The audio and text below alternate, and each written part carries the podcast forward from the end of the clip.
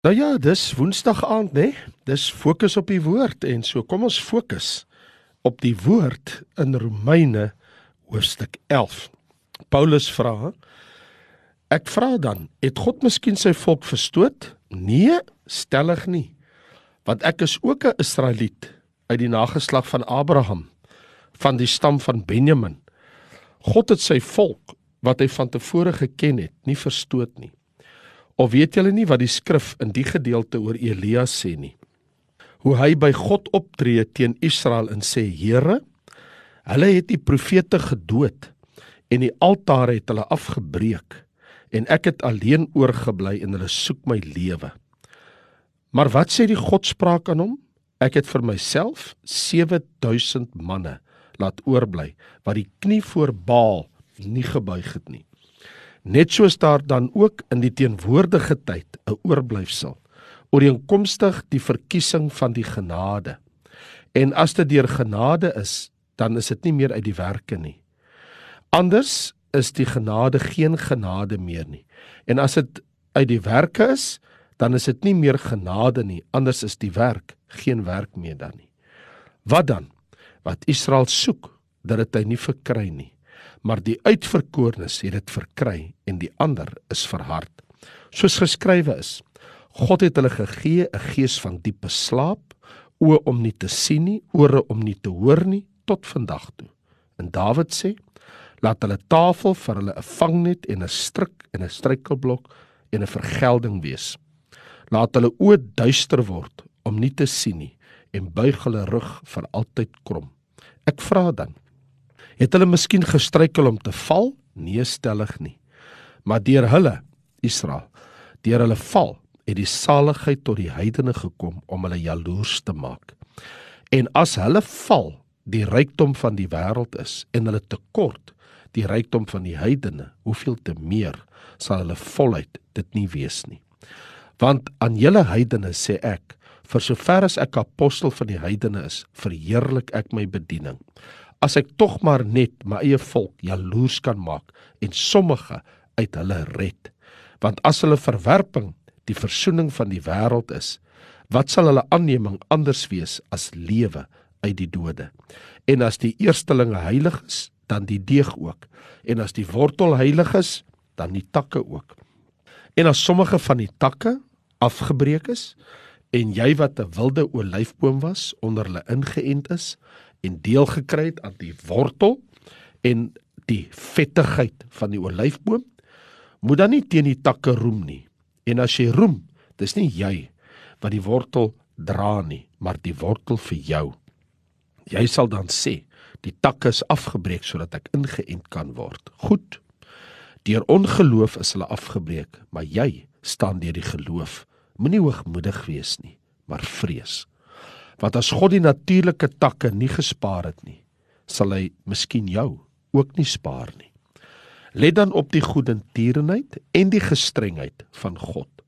Gestrengheid oor die wat geval het, maar goedertierenheid oor jou as jy in die goedertierenheid bly. Anders sal jy ook afgekap word. Maar ook hulle sal as hulle in die ongeloof nie bly nie, ingeënt word, want God is magtig om hulle weer in te ent.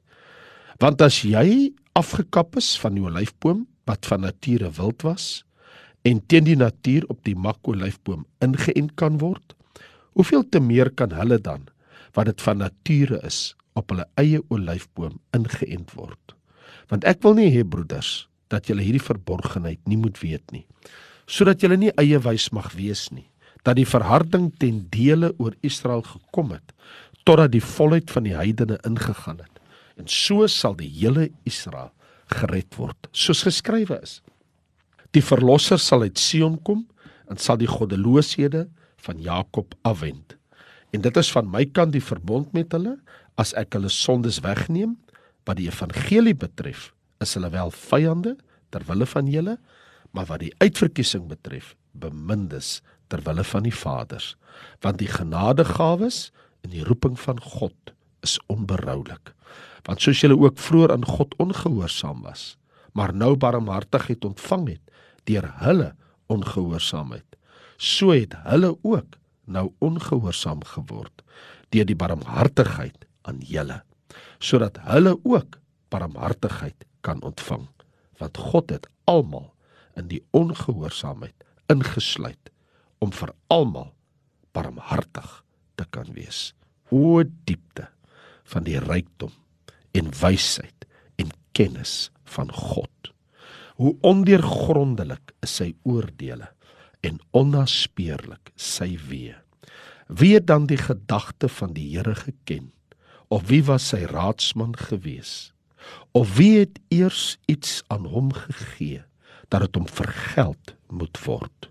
Want uit hom en deur hom en tot hom is alle dinge.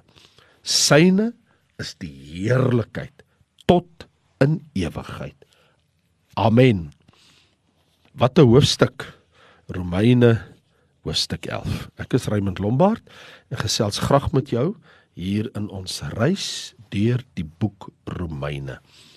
Wat sal 'n mens oor so 'n hoofstuk sê? Die Here God is nie klaar met Israel nie. Duidelik, dit is wat hier uitkom. Maar hy's ook nie klaar met my en jou nie. Hy's nie klaar met ons nie.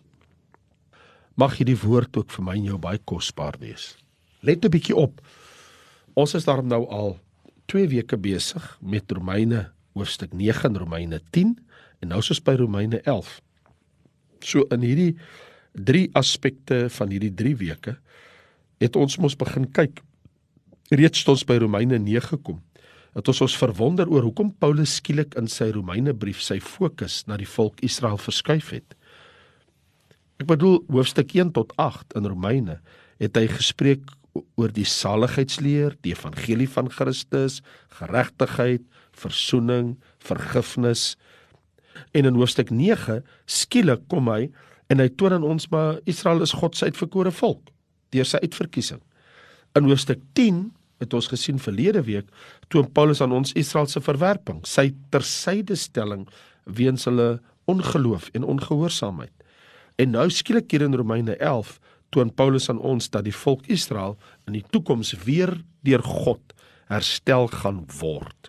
En dis waar hy die klem nou laat val. So die Here God is nie klaar met Israel nie. Ek bedoel dit is die kern van die boodskap van Romeine 11. Onthou toe Paulus hierdie brief skrywe, die boek Romeine. Toe skryf hy aan heidense gelowiges in Rome, maar daar was ook 'n klomp Jode in die gemeente.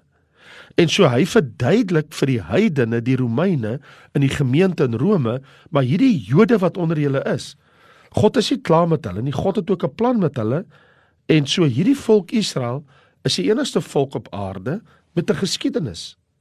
'n opgetekende geskiedenis van 4000 jaar tot vandag toe. So vir eeue, vir 2 millenniums was mense gefassineer en verward deur die volk Israel en daai twee het nog twee geword. So vir 4 millenniums verbaas mense hulle oor hoe God met hierdie uh, volk gewerk het. Dit was die historikus uh, Toybi. Hy klassifiseer Israel as 'n fossiel beskawing. Ek wil hy praat van 'n 4 millennium, 4000 jaar oue volk. En hy sê, hulle is 'n fossiel beskawing en hy weet nie wat om met hulle te doen nie. Iemand het eendag vir 'n prediker gesê, "Bewys God aan my." En sy eenvoudige antwoord was die prediker, "Die volk Israel." die Jode. Want jy sien die bestaan van die volk bevestig God is. Dis dan nou juis Dr William Barclay wat toe hy na Romeine 11 gekyk het, toe skryf hy Israel het 'n eeld op die hart. Nou jy weet wat is 'n eeld? 'n Eeld is mos 'n harde plek. Dit is soos om onder jou vel te hê by jou voet. As jy baie keer kry mense mos 'n eeld, daar so harde plekke en dan mense dit juk en dit krap en dit dit vorm net so 'n harde ding en mense hou daarvan as 'n bietjie gevry word. Soos wat mense maar onder jou hand kry, party mense kry dit uh, op hulle voet, party mense op hulle hand. Harde werk wat jy doen, gee later vir jou eeld as jy baie spit met 'n graaf, dan vorm dit hierso in die middel van jou hand in die binnekant, dan kry jy daai eelde. Nou Israel sê hy het 'n eeld op hulle hart ontwikkel weens hulle verharding teenoor God. Het 'n eeld op die hart gekom. Dit is Israel se huidige posisie tot vandag toe. Maar wat Israel se toekoms betref, want dis mos waaroor hy nou hier praat in Romeine 11. Hy wil vir ons sê, maar hierdie volk van Abraham, Isak en Jakob uit wie ons saligmaker Jesus Christus kom, God het hulle as deel van sy toekomsplanne. En nou hier in Romeine 11 as ware roep hy 5 getuies na vore om dit te bewys dat die Here God is nie klaar met sy volk Israel nie. En die eerste getuie wat Paulus roep is homself. Paulus homself. Wanneer hy sê God het dan nie vir Paulus verwerp nie. Paulus sê ek is 'n Israeliet uit die stam van Benjamin uit die nageslag van Abraham. So hy noem homself later in die Bybel in 1 Korintiërs 15 as die ontydige geborene. Hy gebruik homself as die eerste getuie. So die feit dat hy gered is, bewys nie dat Israel 'n toekoms het nie, maar eerder wat belangrik is, is die manier waarop hy gered is. Jesus het aan hom wie Israelites verskyn op die pad van Damaskus. So Paulus roep homself as 'n Israeliet as die eerste getuie. Dan roep hy 'n tweede getuie en dit is die profeet Elia wanneer hy daar van vers 2 af wanneer hy spreek in Romeine en dan sê hy maar God het sy volkie van tevore verwerp nie. Dink aan sy profete. Hulle het sy profete gedood en dan praat hy oor die verskillende profete. En so hier Israel is tog sekerlik God se uitverkore volk maar die feit dat God se seun dat hulle hom verwerp het beteken nie God is klaar met hulle nie. In Elia se dag het hy gedink hy is die enigste een wat oorgebly het wat hy sê mos Elia sê Here ek alleen het oorgebly.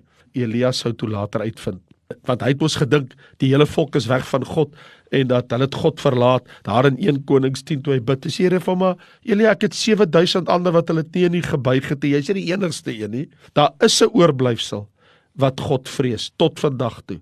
Daar is 'n oorblyfsel in Israel wat God vrees die messiaanse Jode. Het jy geweet vandag soos ek nou met jou praat dat daar in uh, in die wêreld is daar meer as 350 000 messiaanse Jode en dat daar in die land Israel bykans 40 000 messiaanse Jode is. So daar is oor die 200 'n eh, messiaanse gemeentes net in Amerika alleen en daar is meer as 100 messiaanse gemeentes net in die volk Israel alleen. En Paulus is nie van plan om dieselfde oordeelsfout as Elia te maak nie deur te sê ek alleen het oorgebly nie. Hy weet daar het 'n oorblyfsel in Israel in hierdie wêreld oorgebly wat op God vertrou. So hy praat hier in Romeine 11 hy sê God het 'n oorblyfsel in Israel. Nou behalwe dat hy nou die profete tot getuies roep in homself is daar 'n derde getuie en hy verwys hier na die heidene. Hy sê want hier is nog 'n getuie wat hy wil roep dat God het met Israel toekomstige planne. En hy verduidelik dat die geredde heidene hulle dryf Israel tot jaloesie. Want uh, Israel raak mos nou baie jaloers op ons. Wat hy sê mos dat die saligheid van die heidene, daar in vers 11, maak Israel jaloers. Ehm um, ek bedoel Jesus Christus wat 'n Jood is, wat uit Israel is. Hy het vir die hele wêreld aan die kruis gesterwe. So die geredde heidene dryf Israel tot jaloesie om rede die geestelike seëninge wat die geredde heidene in Christus het terwyl Israel self geestelik bankrot is skree vir hulle ten hemele. Ek bedoel Israel as 'n volk vandag is 'n sekulêre staat. Hulle staan in ongeloof voor God. Hulle is geestelik bankrot.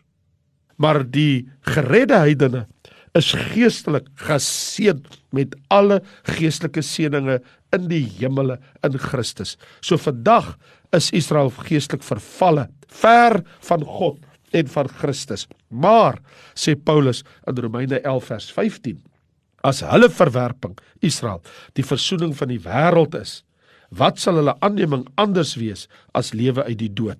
En dan verwys hy na vierde getuie en dit is die aardsvaders wanneer hy oor hulle praat oor Abraham, Isak en Jakob. En so hier is 'n baie belangrike ding om ons oë op Israel se toekoms te rig, vestig Paulus nou die aandag op Israel se geestelike erfenis. Hulle is nog steeds die volk van Abraham, Isak en Jakob. Hulle was van meet af aan en hulle is 'n baie spesifieke volk. Afgesonder vir God, want uit hulle sou die Christus, die saligmaker van die wêreld verskyn. So Paulus gebruik twee illustrasies om sy argument te staaf dat die Here is nie klaar met die volk Israel nie. 1, hy praat van die deeg. Nou verwys hy hierso, kyk 'n bietjie aan jou Bybel in vers 16, daar staan die deeg as die deeg heilig is. Die deeg hier is dat die toewyding van die eerstelinge moet mos deurwerk na die hele deeg. As die eersteling aan God heilig is, dan is die hele deeg aan God heilig. Want dit is Paulus se argument. Paulus sê en hy maak dit van toepassing op Israel se geskiedenis. Hy sê God het Abraham aanvaar, die vader van die Joodse volk Israel.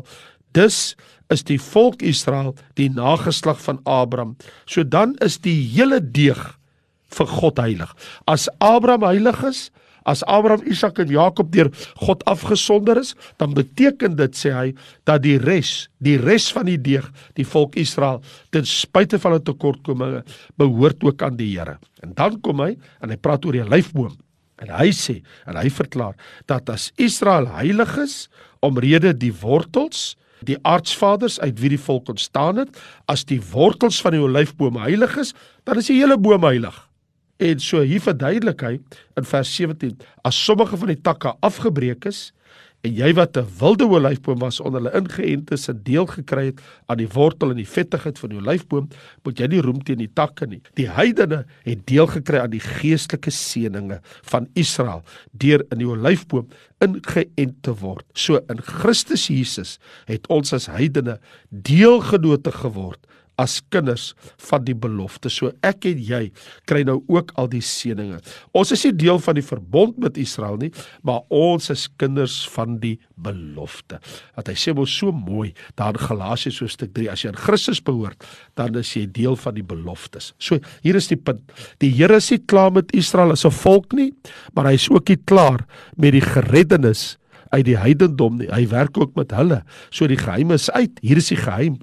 Ek wil nie hê broeders dat julle hierdie verborgenheid nie moet weet nie, dat julle nie eie wys mag wees nie, dat die verharding ten dele oor Israel gekom het totdat die volheid van die heidene ingegaan het. So die geheim is nie meer 'n geheim nie, die verborgenheid is nie meer 'n verborgenheid nie. Israel se verharding teenoor God het tot gevolg gehad dat die Here Israel tydelik tersyde gestel het as 'n volk. En daai verharding teenoor Israel beteken die deure is oop vir die heidene. So wanneer die volheid van die heidene ingegaan het, die volgetal, die bruid van Christus se gemeente, wanneer dit bereik is, sal die kerk weggeneem word sodat die Here weer met Israel as 'n volk kan handel. So ons is op die vooraand daarvan, ek en jy. So daar is 'n toekomstige nasionale saligheid vir die volk Israel, nê? Want daar staan mos en dan sal die hele volk Israel gered word. So wat is ons standpunt vandag? Ons standpunt is Paulus se standpunt. Die standpunt, vers 28. Wat die evangelie betref, is hulle vyande. Wat die uitverkiesing betref, bemindes. Verstaan jy dit? So in ander woorde, ek en jy het hierdie twee aspekte teenoor die volk Israel. Een is hulle is wat die evangelie betref van Jesus, hulle is vyande want hulle het hom verwerp, maar wat die uitverkiesing betref, die aardsvaders Abraham, Isak en Jakob, is hulle die uitverkiestes. En so wat Paulus uitroep hier, hy sê: "O, oh, die diepte van die rykdom, die wysheid, die kennis van God. Hoe ondeurgrondelik is sy oordeele, onnaspeurlik sy weë. Wie het die gedagte van die Here geken? Wie was sy raadsman gewees? Wie het eers iets aan hom gegee het om vergeld moet word? Wat uit hom, deur hom, tot hom is alle dinge. So ek en jy kan ook uitroep soos Paulus. Ek kan nie u gedagtes o God in volle begryp nie, maar met my hele hart vertrou ek u en op u liefde rus ek en steun ek. Mag die Here jou ryklik seën met hierdie woord. Ja, ek het die volk Israel tydelik ter syde gestel, maar hulle is nog steeds my volk. Ja, jy is 'n Christen. Terwille van die evangelie is hulle 'n sekere aspek ons vyande, maar terwille van die uitverkiesing bemindes. Mag die Here jou baie baie ryklik seën en ek wil hê dat jy saam met my nou in gebed gaan. Kom ons bid saam. Vader, in die naam van Jesus kom ons na u toe en ons wil vir u dankie sê Here dat u ook Jesus aan die kruis vir die hele wêreld gesterf het en nie net vir die volk Israel nie. Dankie Here dat u ook Israel jaloers gemaak het deurdat saligheid tot die heidene gekom. Jesus het vir die hele wêreld gesterwe aan die kruis. Hy het gesê gaan die hele wêreld in, verkondig die evangelie aan die ganse mensdom. Dankie Jesus dat u u lewe vir ons almal kom gee. Ek bid nou Here dat u in en deur ons verheerlik word. Here dat U vir Israel jaloers maak deur dit wat U bereik het, Here, deurdat U deur die Gees hulle vandag jaloers het dat Jesus Christus vir die hele wêreld gesterf het aan die kruis sodat hy alle mense kan red uit alle nasies, volke en tale. Nie net uit die volk Israel nie, Here, maar dat U ook oor die ganse wêreld mense vandag red. Dat redding tot die hele aarde gekom het, dat redding vir almal gekom het. Ons loof U Here. Ons dank U Here Jesus dat U U lewe gegee het aan die kruis, nie net vir Israel, nie net vir die verlore skape van Israel nie, maar dat U vir die hele wêreld aan die kruis gesterf het. En dankie dat U eendag U weer sal wend tot die volk van Abraham, Isak en Jakob om hulle almal te red in die dag van U koms. Maar dankie ook Here vir die saligheid wat na ons toe gekom het. Ons loof U vir Jesus Christus wat uit Israel vir ons gekom het en gesterf het, opgestaan het en opgevaar het in heerlikheid. Ons aanbid U Vader in Jesus naam. Amen. Nou ja, toe ek is Raymond Lombard met jou gesels uit Romeine 11. Volgende week sit ons die reis voort in Romeine 12. Baie dankie en totsiens.